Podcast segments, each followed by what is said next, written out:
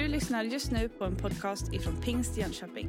Vi hoppas att denna undervisning kommer att hjälpa dig att växa i din personliga relation med Gud. Hejsan! Mitt namn är Frida och jag jobbar i församlingen sedan tre år tillbaka. Och jag jobbar med idrottsarbetet, som även kallas All Star Mission. Och sen även en del med administration i ungdomsverksamheten. Och jag är född och uppvuxen i Pingst Jönköping och är snart 23 år gammal och har varit med här nästan hela mitt liv. Och jag tänkte dela med mig av en textvers som jag har haft på hjärnan den senaste tiden och lite tankar utifrån den. Den kommer från en av pingstskivorna eh, och heter Du är mitt hopp. Och i andra versen så finns det en textrad som lite då och då den senaste tiden har poppat upp i min hjärna efter att vi sjöng den på en gudstjänst. När den här raden fick nytt liv för mig och jag verkligen fick fördjupas i överlåtelsen kring vad den här texten säger. Och eh, den går så här. När vägen ligger dold, jag väljer dig ändå. Du leder mina steg. Du är mitt hopp igenom allt. Det här är en fantastisk sång, men en text som jag har tänkt mycket på. Jag har nog tänkt den här texten som en proklamation för mitt inre att som att berätta för mig själv att ja, men det är Jesus som är mitt hopp och oavsett hur mycket av honom jag ser eller hur mycket av framtiden jag ser så vill jag välja honom. Och eh, ibland är Guds timing sådär att vi känner att det är klockrent. Och det är ju fantastiskt. Men eh, jag antar att du som jag har upplevt när man känner att man inte riktigt ser Gud eller hans vägar. Att det känns som att hans planer och tankar för oss kan verka dolda. Att det känns osynligt.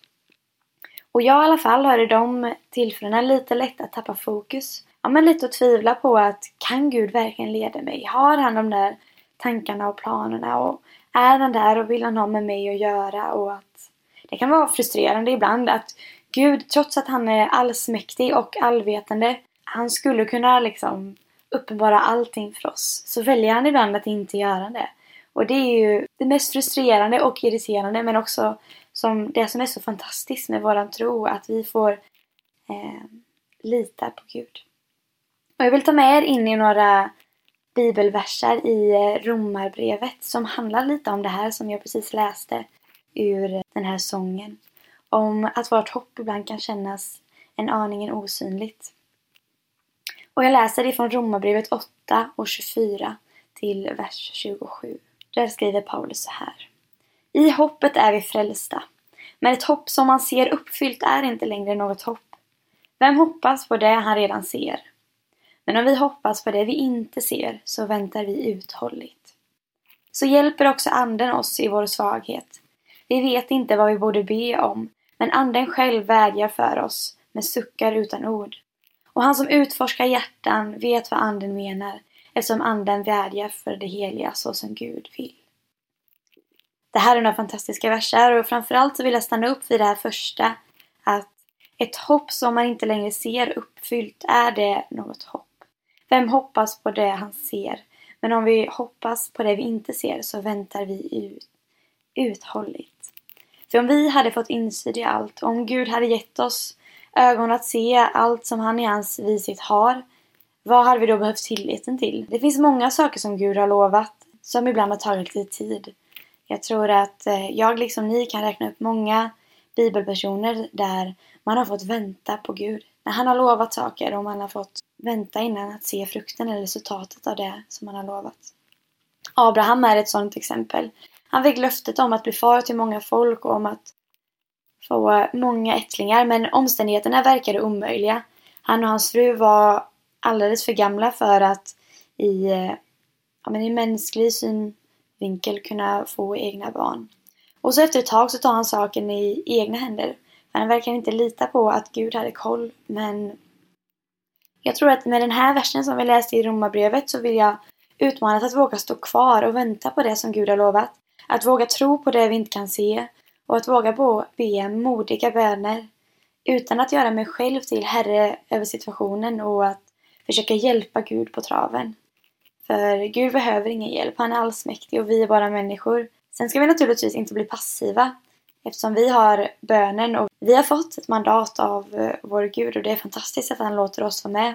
Men låt oss inte tappa tilliten till att Gud har kontrollen och att låta Gud göra det som bara han kan göra. Jag vill läsa ifrån Johannes 20 och vers 24 till 29.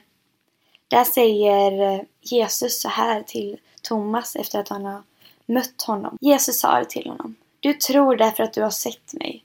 Saliga det som inte har sett men ändå tror. Det här utmanar mig jättemycket. Precis som vi läste innan så ett hopp om det man inte ser, det är utmanande om att våga tro fortfarande. Och tänk ifall vi hade vågat tro att Gud kan, kan göra under utan att aldrig ha sett. Eller att vi kan få tro att våra vänner kan få ta emot Jesus utan att det finns den minsta antydan till någon sorts längtan i deras liv. Tänk om vi hade vågat tro att Gud kan hela oss utan att aldrig någonsin hört om någon som kunde bli helad.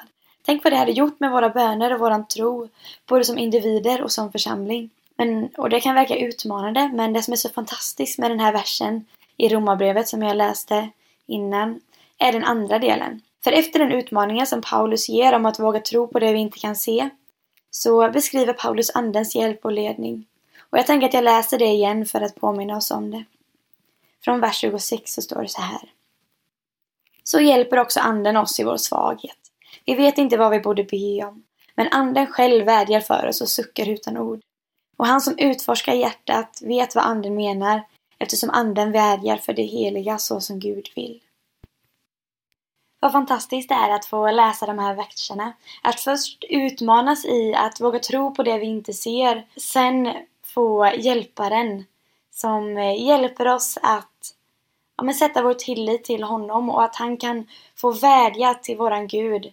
När inte vi vet vad vi ska be om, när inte vi ser vägen och när inte vi har alla svaren, då har vi en ande som hjälper oss och som lägger orden på vår mun och som vädjar för oss med suckar utan ord. Och han som känner våra hjärtan, det är han som hjälper oss och som kan få leda oss göra hela skillnaden. Jag tycker det är fantastiskt att Gud lämnar oss aldrig själva, utan vi har anden som bor i våra hjärtan. Och oavsett om du har semester och har det superhärligt och skönt på stranden just nu. Eller om du står mitt i någon tuff utmanande situation där du känner att jag behöver Gud nu. Så vill jag uppmuntra dig till att ja, men låt Gud vara Gud och göra det som bara han kan göra. Förhasta dig oss inte in i att ta saken i egna händer utan vi kan sätta vårt hopp till Gud. Vi kan sätta vår tro till Gud.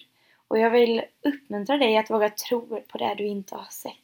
Att våga utmana dig själv i vad du ber om. Att våga be modiga och stora böner om vad du innerst i hjärtat längst inne vill. För vi har en ande som hjälper oss och som leder oss i våra böner. Gud vill svara på våra böner.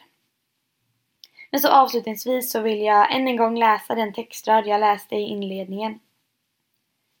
När vägen ligger dold så väljer jag dig ändå. Du leder mina steg och du är mitt hopp igenom allt. Amen. Du har just lyssnat på en podcast ifrån Pingst Jönköping. För att få reda på mer om vilka vi är och vad som händer i vår kyrka så kan du gå in på pingstjonkoping.se eller följa oss på sociala medier via pingstikpg.